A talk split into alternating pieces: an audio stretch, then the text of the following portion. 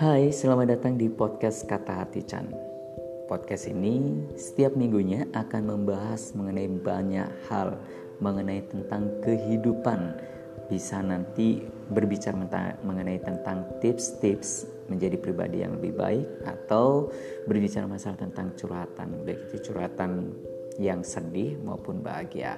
Oleh karena itu, tetap stay tune di kata hati Chan karena akan menginspirasi dan mewarnai hidup Anda.